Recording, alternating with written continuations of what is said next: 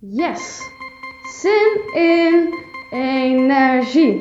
Energie. Voor jou heb ik een oplossing en voor dit heb ik een oplossing. Oh, dit is ook wel echt een geniaal idee. Oh, dan kunnen we dit doen en dat. Oh, yes. Welkom in mijn hoofd. Oké, waarom stel ik deze taak nu uit? Wat zit er nou eigenlijk achter?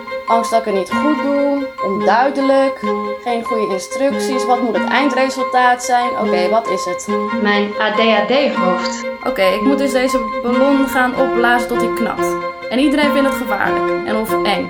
Oké, ik zie dus nu gewoon een uitdaging. Oké, let's go. Welkom bij de podcast ADHD Dingen. Een podcast met persoonlijke en deskundige gesprekken over het leven met ADHD en alles wat daarbij komt kijken. Mijn naam is Nirma en sinds een jaar weet ik waarom mijn hoofd zo druk kan zijn. Ik heb toen de diagnose ADHD gekregen.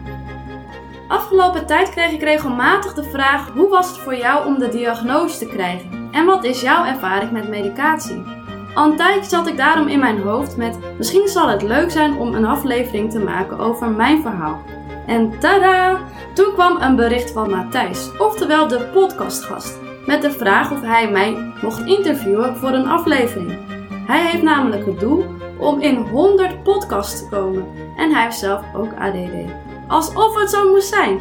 Dus hierbij mijn verhaal in het kort. Matthijs stelt zich even voor en daarna begint het verder interview.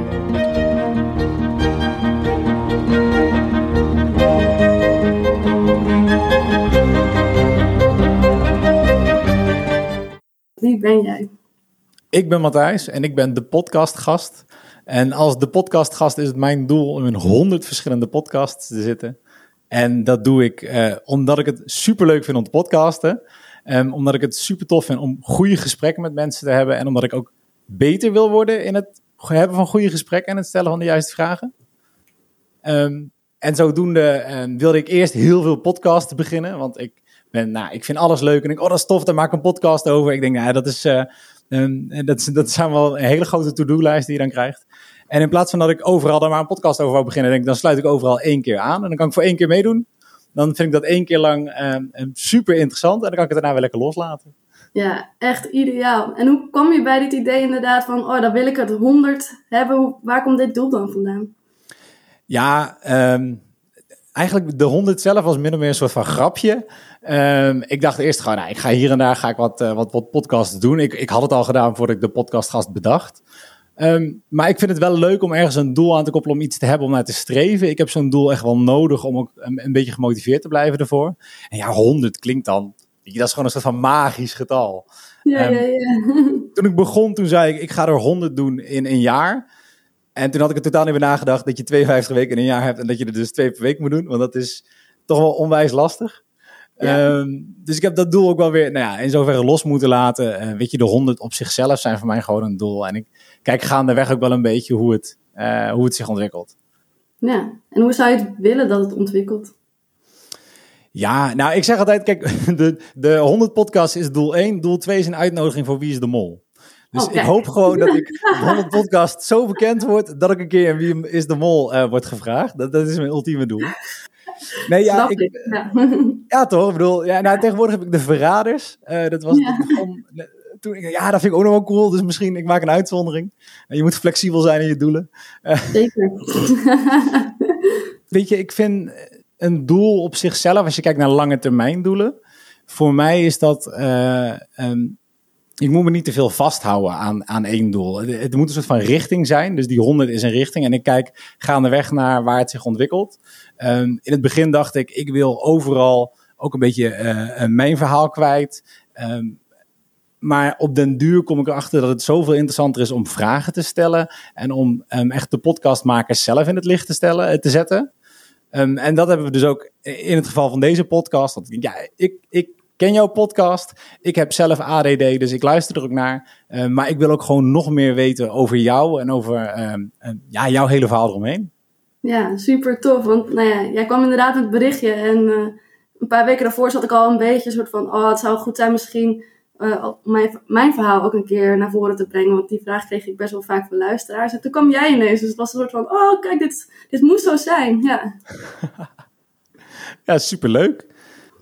Laten we bij het begin beginnen. En dat is eigenlijk hoe jouw diagnose is gegaan. Ja. Ik denk dat het een beetje... Ja, je hebt je hele leven al ADHD, maar vanaf toen had je het misschien echt voor jezelf. Ehm, Ja, hoe begon dat? Ehm, nou ja, bij mij is het best wel in een lang traject gegaan. Als in, tijdens mijn studietijd begon ik best wel veel klachten te krijgen of liep ik steeds tegen heel veel dingen aan. En ik ben naar verschillende psychologen geweest en elke keer kwamen ze met zo'n soort traject dat ik dacht, ja, ik snap wat je aan het doen bent, maar dit past niet bij mij.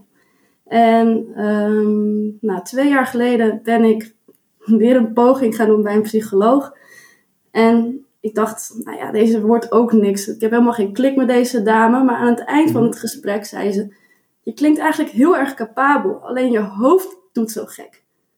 Toen dacht ik, ja, precies, dit zeg ik al de hele tijd. Dit zeg ik afgelopen jaren constant. Volgens mij zit er heel veel in mij, maar het komt er niet uit of mijn hoofd doet zo gek.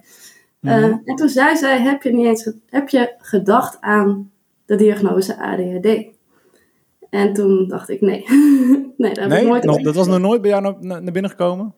Nou ja, niet bewust. Het grappige is, ik dacht gisteravond eh, over een beetje inderdaad het proces van diagnose krijgen. En eh, ik dacht wel van, oh ja, toen ik tiener was, heb ik wel een aantal van die testjes gedaan van, oh, wat zou je kunnen hebben? Ehm, maar ik dacht destijds van, oh ja, volgens mij doet elke puber dit. Alleen bij mij kwam er wel vaak ADHD uit. Alleen, nee, het was nooit een dingetje. Want ik dacht, volgens mij kan elke puber wel ADHD hebben als je een beetje de symptomen beschrijft. Um, En ik dacht dus de hele tijd wel, zeker tijdens mijn studietijd, er is iets aan de hand. Um, maar ik had nooit gedacht dat het ADHD kon zijn. Want dat zijn hele drukke mensen. Tenminste, het beeld is dat je dan heel erg druk moet zijn. En heel erg chaotisch. En nou ja, een beetje de standaard beelden. En, daar... en misschien ook, ook, ook, nog wel dat het vaak bij, bij mannen gediagnosticeerd wordt in plaats van bij vrouwen. Speelt het ook mee voor jou? Ja, en ik kende eigenlijk ook helemaal... Ik kende weinig mensen of vrouwen met ADHD. En de hmm. mensen die ik kende waren inderdaad voornamelijk man. En zeer aanwezig. uh, ja, en dat zijn hele leuke mensen. Alleen daar dacht ik, ja, dat is typisch ADHD. Ja, dat heb ik niet. Maar toen ging ik inderdaad naar die opmerking van die psycholoog ging ik kijken s'avonds naar uh, wat het nog meer kon zijn. En toen dacht ik, oh fuck, ik herken me toch wel heel veel hierin. Oh. Ja. En toen dacht ik wel meteen, oh, als dit het zou zijn. Ik dacht al van, oh, maar dit past eigenlijk wel heel erg goed. Ja. Um, en ik vertelde het ook aan mijn leidinggevende destijds, uh, die heeft ADD. En die gaf mij een stripje van dexamfetamine met mom. Ja, ik dacht het al dat je het had. Probeer maar deze medicijnen. Okay. En dat gaf zoveel rust. Dat je een soort van, wow, ik kan dit ook zijn. Um, dus toen was het nog een, eigenlijk een extra bevestiging. En nou ja, een half jaar na uh, die opmerking van de psycholoog was ik bij ADHD Centraal en kreeg ik de diagnose. Kreeg je de diagnose, ja. En kan je vertellen, hoe was dat als je zegt uh, rust? De eerste keer dat jij, uh, dat jij dexamfetamine nam? Hoe was die ja. dag? Uh, ja, alsof ik eindelijk soort van de storm ging liggen. ik noemde altijd dat ik een negatieve storm altijd had. En die ging opeens liggen. En het grootste voorbeeld wat ik altijd geef over die week is dat ik had in het weekend daarna had ik zowel Sinterklaas als een verhuizing. En normaal gesproken zou ik tijdens Sinterklaas op het moment zelf nog allemaal mijn gedichten afschrijven. En mijn verhuizing zou ik altijd nog op de dag zelf nog een aantal dozen moeten inpakken. En in dat weekend, dus met de medicatie, had ik zowel mijn gedichten op tijd af en mijn, al mijn verhuisdozen ingepakt. Ja, een grote voorbeeld van het verschil kan er niet zijn. Weet je, dat je opeens dingen overziet of dingen wel kan doen. Dat is het grootste verschil. Ja. ja. En kon je toen, uh, hoe is daarna bij jou het medicatietraject gegaan? Ja, dat is wel een beetje onstuimig gegaan, tenminste vind ik. Uh, bij ADHD Centraal wordt vanaf het begin eigenlijk uh, methylfenidaat gegeven, Ritalin. Ja. Dat heb ik één dag geprobeerd en dat was zo'n chaos. Ik werd daar zo bijna paniekerig van. En nou ja, dat was zo geen prettige ervaring dat ik dacht, oké, okay, dit wil ik echt niet. Uh, en omdat ik natuurlijk best wel goede ervaring had met dexamfetamine, had ik meteen de verpleegkundige daar gemaild van, joh, ik wil dit niet. ik wil gewoon terug ja. naar uh, dexamfetamine, want ik had het wel haar verteld. Uh, en dat kon gelukkig. Alleen, nou ja, misschien dat mensen met dexamfetamine het herkennen, maar de, dexamfetamines zijn aangepast. Dus eerst had je Amvexa. Daarvoor had je nog uh, 2,5 dexamfetamine. Toen werd het Amvexa. Toen Tentin. en Tentin werkt totaal niet voor mij. Of totaal niet, is een beetje overdreven. Maar ik merkte echt een groot verschil tussen Amvexa en Tentin. Dus daarna was het wel voor mij een enorme zoektocht van ja, wat dan wel? Dat werkt. En, ja, dus ik heb de regenboogapotheek geprobeerd. Werkte eigenlijk ook niet zo lekker. Ehm, toen kwam ik bij een apotheek en die voorraad stopte. Dus eh, die ging het ook niet meer zelf produceren. Oké. En uiteindelijk ben ik bij de Transvaal apotheek gekomen. En dat werkt wel goed. Dus dat het is wel een beetje zoektocht geweest. Zeker omdat Dat is wel echt, een- ja, echt een flinke zoekte. Wat, wat was dan het grootste verschil dat je merkte met medicijnen die voor jou echt niet werken? dat was het gewoon dat die-. Ja? Ja, en eh, veel minder energie. Ehm, terwijl ik wel mijn eigen energie best wel prettig vind. Als het die in een goede banen leidt, is mijn energie denk ik best positief en eh, fijn. Ehm, maar met, eh, met Tentin merk ik dat ik gewoon wat negatiever word, minder energie. En ik, eh, dat eigenlijk. Want dat Ja. resulteert dus dat ik al meer periodes heb van bleh en het lukt allemaal niet. Dus het wordt allemaal minder positief. Nou. En, en nu zit je gewoon op een dosis die voor jou helemaal perfect werkt. En, en heb je de medicatie die je nodig hebt. Ja, het is, dat blijft dat nog wel een beetje zoeken. Want ik heb, de laatste tijd heb ik geprobeerd om iets minder te slikken. Omdat ik merkte dat mijn hoofd best wat rustiger was. Mhm. Ehm, maar ik merkte ook wel dat ik ietsjes weer ongelukkiger werd. Dus nou, ik, in deze week zit ik weer op mijn oude dosis. Ehm, en dat lijkt weer te werken. Dus ik blijf een beetje zoeken van... Nou ja, wat werkte voor mij in deze periode? Of per dag Ja. eigenlijk. Eh, wat ik het lastig vind is dat ook de huisartsen weinig verstand hebben van, eh, van medicijnen. Dus nou, het komt ook wel een beetje op mezelf medicatie eh, komt het voor. Ja. Zijn er tools die jij echt pas ontdekt hebt na je diagnose die voor jou ontzettend goed werken? Ehm, nou, voor de diagnose was ik al begonnen met het bijhouden van een bullet journal. Ehm, Ja. Voor de luisteraars die niet weten wat dat is, dat is een eh, leeg boek met allemaal puntjes. En dan je, het is eigenlijk bedoeld om je agenda, notities, alles op te schrijven. Maar het is ook een manier om wat creatief bezig te zijn. En dat vond ik juist een ideale combinatie. Dus ik maakte ook echt mooie, eh, mooie agenda's per week van, zeg maar, en mooie notities. Dat heb ik best wel lange tijd volgehouden. En het was ook, werd me ook al genoemd door mijn omgeving mijn leven. Want ik schreef er inderdaad alles op en eh al mijn afspraken stonden erin en dat soort dingen. En ondertussen ook een beetje mooi creatief zijn. Dus het was echt nou ja, een weergave van hoe ik was.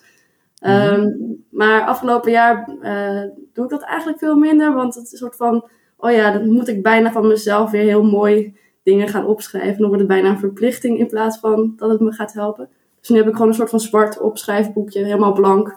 Dat ik gewoon allemaal gedachten heel lelijk kan opschrijven. Maar dan zijn ze in ieder geval uit mijn hoofd. Dus dat is wat ik zeker doe. Ehm, Mhm. Wat ik ook sinds nou ja, bijna een jaar doe, is dat ik overdag gewoon, als ik thuis werk of eh, als ik inderdaad thuis ben, 20 minuten rond een uur of 1, 2 even op bed liggen om even alle prikkels van buitenaf of prikkels in, van, in mij eh, even de rust te gunnen. Hoef ik niet eens moe te zijn, maar het is voor mij echt een ideale manier om even te ontprikkelen. Nou ja, Ja. dat soort dingen. Was voor jou, nadat je de diagnose had gekregen, ben je, ben je daar, ja, je bent er nu heel open over, want je hebt een podcast, dus ik denk dat bijna iedereen het wel weet. Maar was je daarvoor ook al eh, heel open over het feit, of is het iets wat jij vindt dat er niet echt toe doet? Nou ja, ik, tussen de diagnose en de podcast zit drie maanden, vier maanden.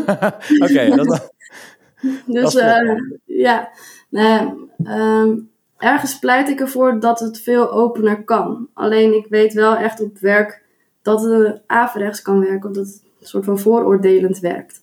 Eh, Mhm. Bijvoorbeeld. Eh, toen ik de podcast ging maken, vroeg mijn moeder ook: ja, zou je dat wel doen? Want dan weet iedereen dat je ADHD hebt.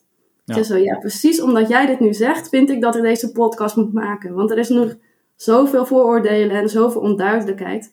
We zijn niet allemaal Jochem Meijer. En ook al zouden we dat allemaal zijn, ja, er moet toch wel meer informatie komen wat er dan achter zit. Weet je zo.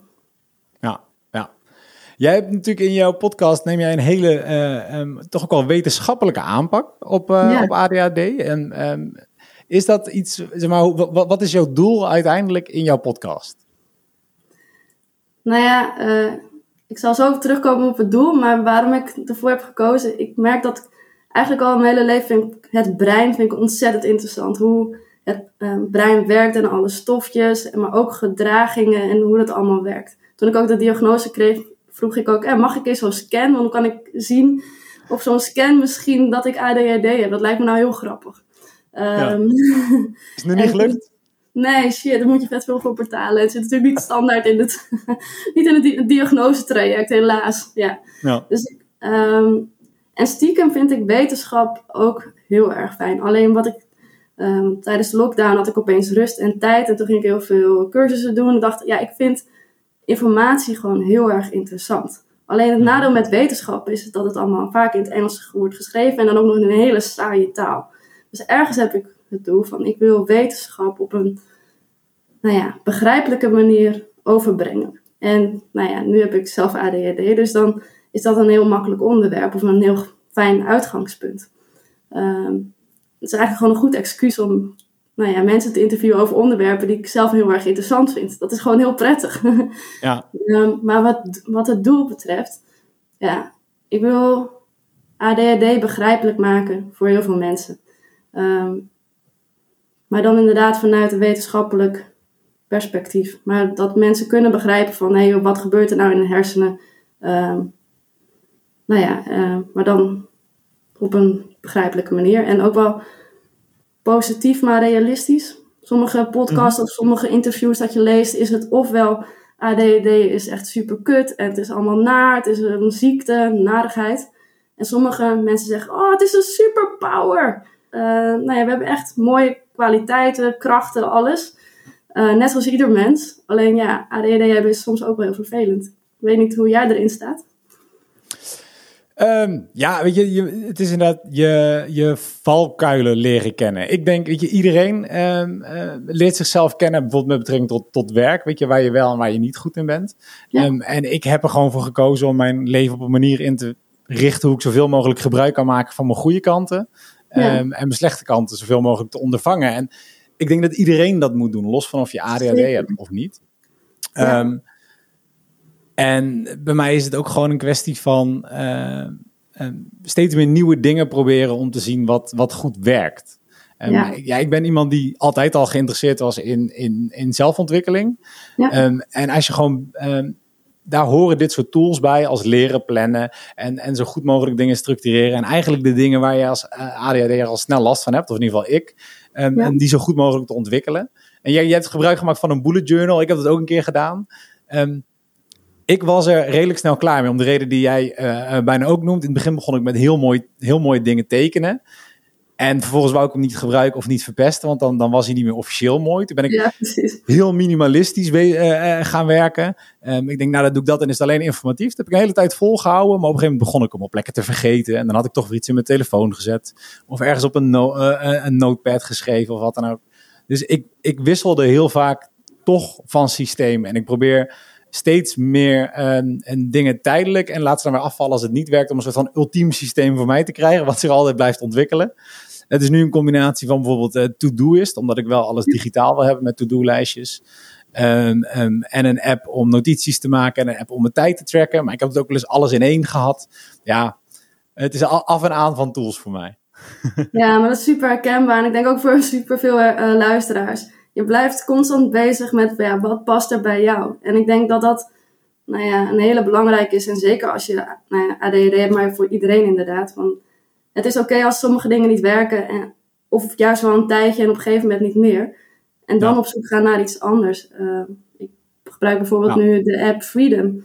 Voor mij nu echt ideaal. Want het uh, zorgt ervoor dat het na een bepaalde tijd Netflix wordt geblokkeerd. En uh, Instagram en alle gekke afleidende apps. Dat wordt gewoon geblokkeerd na kwart over elf s avonds, zodat ik niet urenlang uh, op mijn computer blijf zitten s avonds laat. Ja. Dat soort apps zijn voor mij nu ook heel handig. Ja, en doordat je natuurlijk meer zoekt naar dingen die met ADHD te maken hebben, kom je denk ik ook meer van dit soort tips en tools tegen. Ja, zeker. Ja, en wat jij ook zegt, ik ben altijd wel heel erg bewust van zelfontwikkeling en ik wil vooral nooit stilstaan. Ook wat betreft mijn eigen ontwikkeling niet. Dus dat, uh, ja, dat past het ook wel heel goed bij. Ja. Um, je had het toen straks over de, uh, een beetje de stigma's en de vooroordelen die natuurlijk aan, uh, aan ADHD klinken. Het is inderdaad, ik vind ook niet echt een superpower, maar je hebt gewoon nog meer dingen waar je heel goed in bent en dingen waar je zo van hogere pieken, diepere dalen. Um, uh, wat zijn voor jou, uh, als, je, als je drie vooroordelen over ADD in één keer de wereld uit kon helpen, welke drie zouden dat dan zijn? Uh, je hoeft niet druk en constant te bewegen als je ADHD hebt.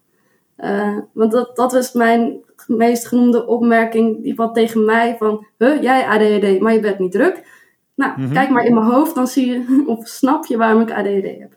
Twee is juist doordat je de diagnose op soms latere leeftijd uh, krijgt, heb je superveel tools ontwikkeld voor jezelf om nou ja, te goed te kunnen functioneren. Um, en is het juist een enorm voordeel voor bijvoorbeeld als je solliciteert ergens. Uh, omdat je heel veel kennis hebt al over jezelf, omdat je constant bezig bent geweest om te functioneren in deze maatschappij. En ik denk dat dat um, nou ja, dat daar veel beter bij mag stilstaan. Van, uh, dat je bijna geen angst hoeft te hebben om te vertellen dat je ADHD hebt, omdat je zoveel tools hebt ontwikkeld of nou ja, je hebt dat tot nu toe al gehaald, zeg maar. Um, ja, uh, en dan is het, een diagnose kan nog helpen om inderdaad die 10% beter te worden. Uh, ja, ja. Dus dat zou uh, nog een ding zijn. En het laatste, ja, eigenlijk zijn er genoeg. De medicatie is niet verslavend.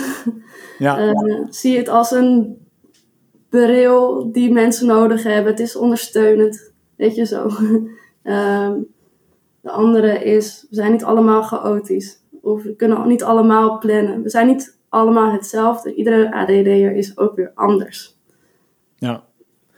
Um, ik had het net over dat ik uh, weinig mensen heb met ADD in mijn omgeving. Dus het duurde ja. heel lang voordat ik van iemand methylfenidaat kon, uh, kon, kon lenen. Om te ja. kijken of dat voor mij werkte. Um, en ik had gelukkig de mazzel dat ik meteen heb dat dit voor mij gewoon werkt. En dat ik de dosis even af moet stemmen. Dus ik heb een gelukkig een makkelijkere reis dan jou met betrekking tot medicatie. Ja, zeker. Je hebt het uh, in ons voorgesprek een keer gehad over het opzetten van ADHD-imperium. Ja. Ja. Kan je daar wat meer over vertellen? Nou ja, omdat ik best wel veel reacties krijg van mensen van... Oh, dit is zo herkenbaar en oh, wat fijn dat je die informatie deelt. En um, nou ja, het fijne met uh, de podcast is dat ik alles mag doen wat ik leuk vind. Als je met mensen praten en creatief uh, bezig zijn. Ik heb een website nu gebouwd en dat soort dingen. En daar is gewoon echt behoefte aan. Um, mm-hmm. Ik wil graag um, ADHD iets bekender maken in het onderwijs. En niet alleen maar bij het basisonderwijs en drukke kinderen, maar juist meer op het uh, MBO of het HBO. Wat betekent ADHD uh, in andere onderwijsvormen?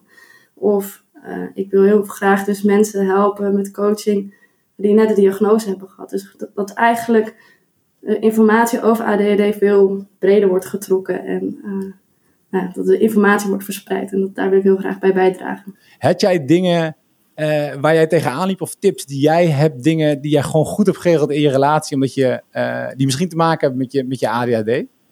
Ja, zeker. Uh, leuke vraag. Um, nou ja, de eerste twee jaar van de relatie, dat was echt chaos, want ik had een eigen zaak en ik had geen vaste huis, dus ik was eigenlijk helemaal niet zo makkelijk voor mijn vriend in die tijd. Mm -hmm. um, en daar kan ik een hele podcast aflevering over maken, wat daarin dan handig is om te doen. um, maar de, sinds dus anderhalf jaar met de diagnose.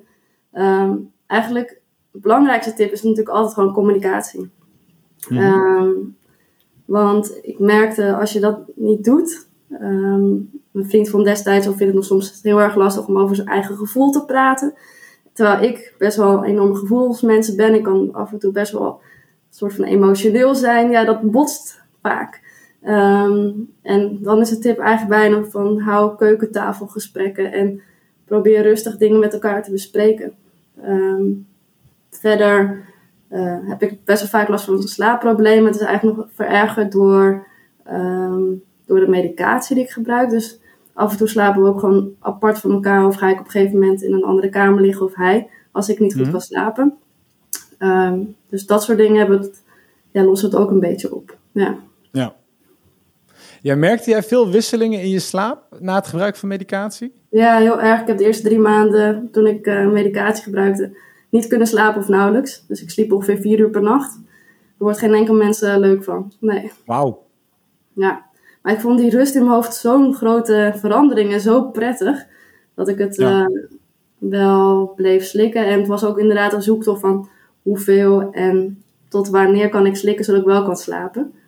Ehm, maar in het begin van de diagnose had ik nog zoveel met lichamelijke stress ook. Ik merk dat dat ook niet echt heel erg eh, helpend is. Dus dat is met medicatie wel erg geworden, maar ik merk ook met veel stress dat dat nog slechter wordt, zeg maar. Dus dat. Ja. Herken jij dat ook? Nou, in het begin wel. Ik, ik slik nog niet zo heel lang medicatie. Echt eh, twee maanden. Oh ja. Ehm, en in het begin merkte ik wel dat... Ik heb nooit last gehad van slaapproblemen. Ik kom altijd, als ik, ik slaap juist als een blok. Ik ga liggen, vijf minuten, ik ben weg. En ik, mijn vriendin gaat er s'nachts vaak uit om te plassen. Ik word nergens wakker van. Ehm, heel soms had ik dat ik slecht sliep. En toen ik medicatie begon te slikken, had ik wel dat ik... eh, dat het één van de twee was. Of ik sliep in één keer s'nachts door. Of ik werd om drie uur s'nachts wakker. En was ik ook tot, tot zes uur was ik wakker. En dan sliep ik nog een uurtje voordat de wekker ging. Ja, En is dat was iets waar ik best wel van schrok. Dat ik in het begin, ik heb het in de eerste twee weken echt vier nachten gehad of zo. En dan ben ik niet eens zo heel moe de volgende ochtend. Maar dat je gewoon, ik, ik heb drie uur lang naar de klok liggen kijken. Ja, shit. Eh, en dat is gelukkig, moet ik zeggen, nu weer eh, helemaal niet meer. Dat was echt alleen in het begin. Goeie. Ehm, en daar ben ik wel blij mee. Want het is uiteindelijk denk ik dat het best wel, best wel killing zou zijn als je gewoon eh, zo vaak wakker ligt. Ja, dat is echt niet prettig. Nee, daar wordt geen enkel mens eh, leuk van. Nee, Nee, toch? dat is nee, ook ja, niet dus- goede relatie, kan ik zeggen. Ja. Nee, ja. en inderdaad, wat je zegt, ik erover blijven praten werkt ontzettend goed. Voor mij is het dat ik, eh, eh, ik zie vaak dingen in het huishouden niet of ik denk er niet aan. Dat is het meer. Oh ja. En dat mijn vriendin, we hebben gewoon, we hebben bij ons een een whiteboard met allemaal to-do'tjes van, van die wij allebei moeten doen. En zij zet gewoon to-do'tjes voor het huishouden bij mij erbij. Oh, en goed. dat, dat vind ik ook, zij vinden dat een beetje vervelend. Ja, net is alsof ik je een taak of een opdracht geef. En ik zeg alleen maar, doe, dat alsjeblieft. Want Alsjeblieft, ja. ik denk er niet aan. Ja, En eh, jij wordt dan op een gegeven moment een beetje chagrijnig omdat het vies is en ik zie het niet en ik denk er niet aan. En dan eh, Ja. krijg je nou de hele wall of awful eh Hulk smash. Dan word ik chagrijnig en dan doe ik het wel. Terwijl ja. Dit is iets wat voor ons heel goed werkt. En het is makkelijker, denk ik, eh, om dat uit te leggen als in, nou ja, weet je, kijk, ik heb ADD en dit helpt daarbij. Dan Ja. dat je dat niet zou hebben. En, en precies. ehm, ja, dan is het moeilijker om zo'n soort systeem te vinden, denk ik. Dat denk ik ook. Maar het grappige is dat mijn vriend en ik echt daarin aanvullend zijn. Dus ik, eh, ik ben best wel goed in, nu, tijdens mijn studententijd was ik er echt verschrikkelijk in om mijn huis schoon te maken en op te ruimen. Maar ik heb er nu ondertussen een beetje een soort van systeem voor bedacht. eh, hoe ik dat moet doen. Behalve de keuken. Dat blijft echt een issue. Eh, alles wat met vaatwasser, de keuken te maken heeft, dat is een soort van chaosdomein. Maar de rest van het huis is goed. En hij wordt juist gelukkig van de keuken opruimen. Ik weet niet, ik heb gewoon de perfecte vriend aan de haak geslagen. Of als, en ik vind van het kookgedeelte vind ik het snijwerk het meest irritant. En dat vindt hij dus wel leuk om te doen. En daar wordt hij Ja. rustig van. Dus dat is, dat, dat is dan wel weer grappig. Eh, ja, dat is Jullie vullen elkaar perfect aan zo, ja. ja, in dat opzicht zeker. Ja, alleen qua eh, introvert, extrovert, dat, dat botst gewoon eh, regelmatig. Dat, eh, dat is zeker waar. Ja.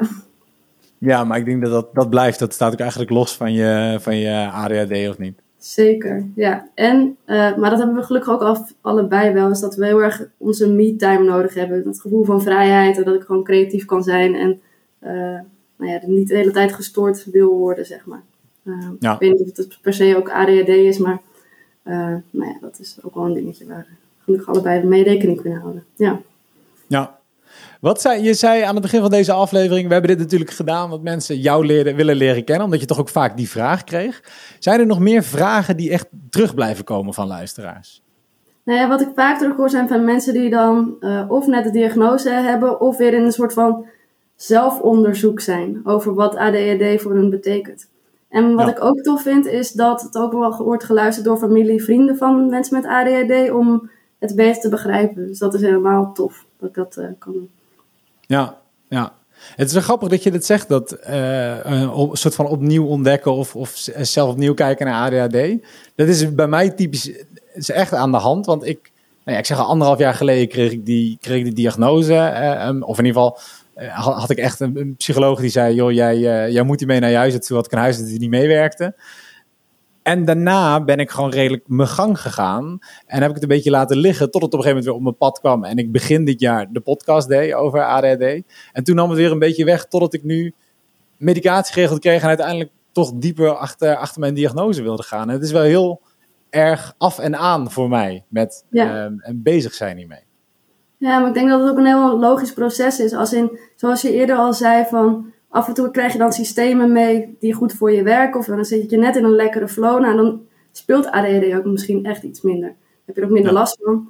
Eh, maar als er weer al heel veel gebeurt in je omgeving en het wordt weer chaos of er gebeurt weer iets anders, waardoor het wel meer gaat spelen, dan is het wel prettig om te weten hoe er mee om te gaan. En zeker met ADHD. Eh, Ja. Was ook laatst een heel interessant onderzoek, want soms, oh, in het kader van vooroordelen, is dat eh, over ADHD heen groeien. Dat vond ik ook nog wel interessant. Eh blijkt maar dat uit het onderzoek 10% van alle kinderen over ADHD heen groeien.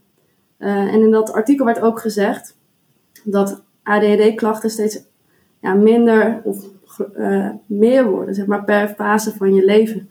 Dus dat komt ook wel weer overeen. Merk je dat zelf als je terugkijkt? Ik bedoel, voor mijn gevoel heb ik eigenlijk altijd wel evenveel last gehad van ADHD. Eh, ik merk het nu alleen wel in, soort van, in stressvolle situaties wordt het soms wat erger. Maar het, het lijkt niet heel erg te fluctueren. Heb jij, daar wel meer, heb jij dat wel meer gehad? Ik weet in ieder geval zeker dat ik er niet overheen ben gegroeid. Want ik ben al 30 en ik heb er nog steeds last van. Ja, nee, het grappige is, ehm, nee, behalve die testjes op de middelbare school, had, ik er eigenlijk niet zo heel veel last van. Wel tijdens mijn middelbare school dat ik helemaal geen concentratie had en dat soort dingen, dat ik eigenlijk bijna niet luisterde. Eh, niet met vervelend gedrag, maar dat deed ik bijna niet. Ehm, maar ik denk dat pas bij mij eh, tot veel klachten leidt, maar ADD, als het allemaal ongestructureerd is. Ja. Op mijn zestiende, toen, ik zeg altijd dan, toen ging de chaos open. Want toen ging mijn ouders scheiden, daarna weer mijn moeder ziek en vader ziek, weet je. En daarna dus studeren en alleen wonen en nog niet echt goed weten allemaal hoe ik dat moest aanpakken. Nou ja, dat, dat zijn dan de situaties waardoor het echt veel heftiger wordt. En nou ja, sinds een paar maanden of eigenlijk bijna een jaar is het van mijn leven rustig. En ik zei laatst ook zo van, wow, ik heb sinds lange tijd, zowel intern als extern, geen drama. Het is gewoon rustig. Hoe dan? en dat je een soort van realisatie hebt van, oh wow, oké, oké, dit kan natuurlijk ook. Dus ik ben nu eigenlijk heel erg zoekende van, oh ja, eh, hoe kan ik dan in deze nieuwe situatie mijn energie en alles plannen, zeg maar, wat ik wil. Een soort van Ja.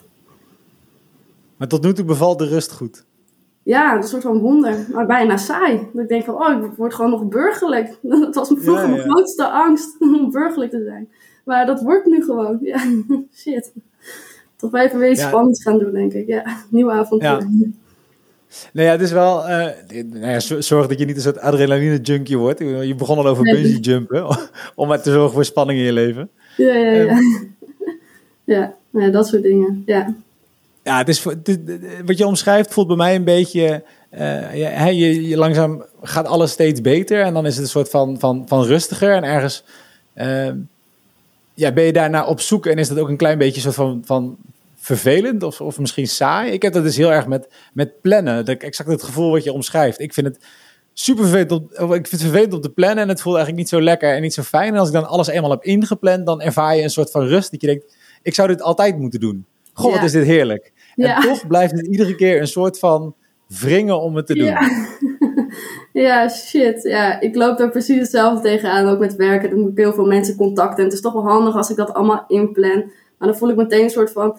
Ja, maar als ik alles structureer, dan is het allemaal verplicht. En dan wordt het een moedje. En dan stom. En ik wil gewoon vrijheid bewaren. Dat, nou ja, dat gaat dan anders. Ja. ja. Nee, 100%. Ja. Ja. Volgens mij hebben we al hele mooie dingen eh, besproken. Nou ja, ik denk het. ook. Ik, ik vind het een hartstikke eh, leuke en leerzame aflevering. Ehm, en ik wil je hartstikke erg bedanken voor het feit dat ik met jou deze podcast op heb mogen nemen. Ja, superleuk dat jij mij wilde interviewen. Dat is een eer. Met hoeveel aflevering ben je nu? Jij wordt uit mijn hoofd aflevering 30. Kijk, Afhankelijk van wanneer deze exact online komt. ja. Ehm, dus nee, je ziet dat we zitten ook op, eh, bijna op het einde van het jaar. En ik ben uiteindelijk tot 30. Ik hoop dat ik de 50 haal voor het einde van het jaar. ja Eh, precies. dan heb ik in twee jaar heb ik er 100. Kijk, Ehm, en, maar er staan er redelijk nogal wat, wat ingepland. Je hebt een hele podcast die je wel opneemt en die pas drie of vier maanden later uitkomen. Dus er komt nog genoeg aan. Ja, super. maar ik heb ook nog even te gaan. Dus als je Ja. ook een podcast hebt en dit luistert, dan mag je me altijd mailen. Ja, precies. Ik zal je contactgegevens in de aflevering zetten. Dan kan iedereen je vinden. Ja, Eh, super, hartstikke fijn. top. ja, gewoon zelfpromoties. Helemaal prima. Ja, en eh, natuurlijk ga ik dit ook allemaal delen op Instagram en dat soort eh, dingen als het klaar is. Ja. Ja. Hartstikke leuk, dankjewel. Top. Dankjewel Matthijs voor je aan tijd en voor deze aflevering. Houdoe. Yes, en doe. Dan was dit in het kort mijn verhaal. Heb je vragen hierover of wil je meer weten? Je kan natuurlijk altijd een berichtje sturen via Instagram of een mailtje sturen naar info.adhddingen.nl. Wil je nog meer verhalen horen? Kijk dan op mijn website www.adhddingen.nl of kijk naar het YouTube kanaal. Daar vind je ADHD-verhalen. Een initiatief naast de podcast waar het verhaal van een ADHD'er centraal staat. Ben je nou benieuwd naar wat Matthijs allemaal doet, oftewel de podcastgast? Volg hem dan op Instagram of kijk ook even naar zijn website. Dan was dit het voor nu. En uiteraard wil ik Matthijs onwijs bedanken voor het interview. En jij onwijs bedankt weer voor het luisteren naar deze aflevering. De volgende aflevering wordt weer een wetenschappelijk onderbouwd, maar zeker interessant en nuttig aflevering. Dus ik hoop dat je dan weer luistert. Blijf dus op de hoogte. Volg deze podcast, like hem, laat een leuke bericht hierachter. En dan wens ik jou natuurlijk verder een hele fijne dag toe. En onwijs bedankt weer voor het luisteren.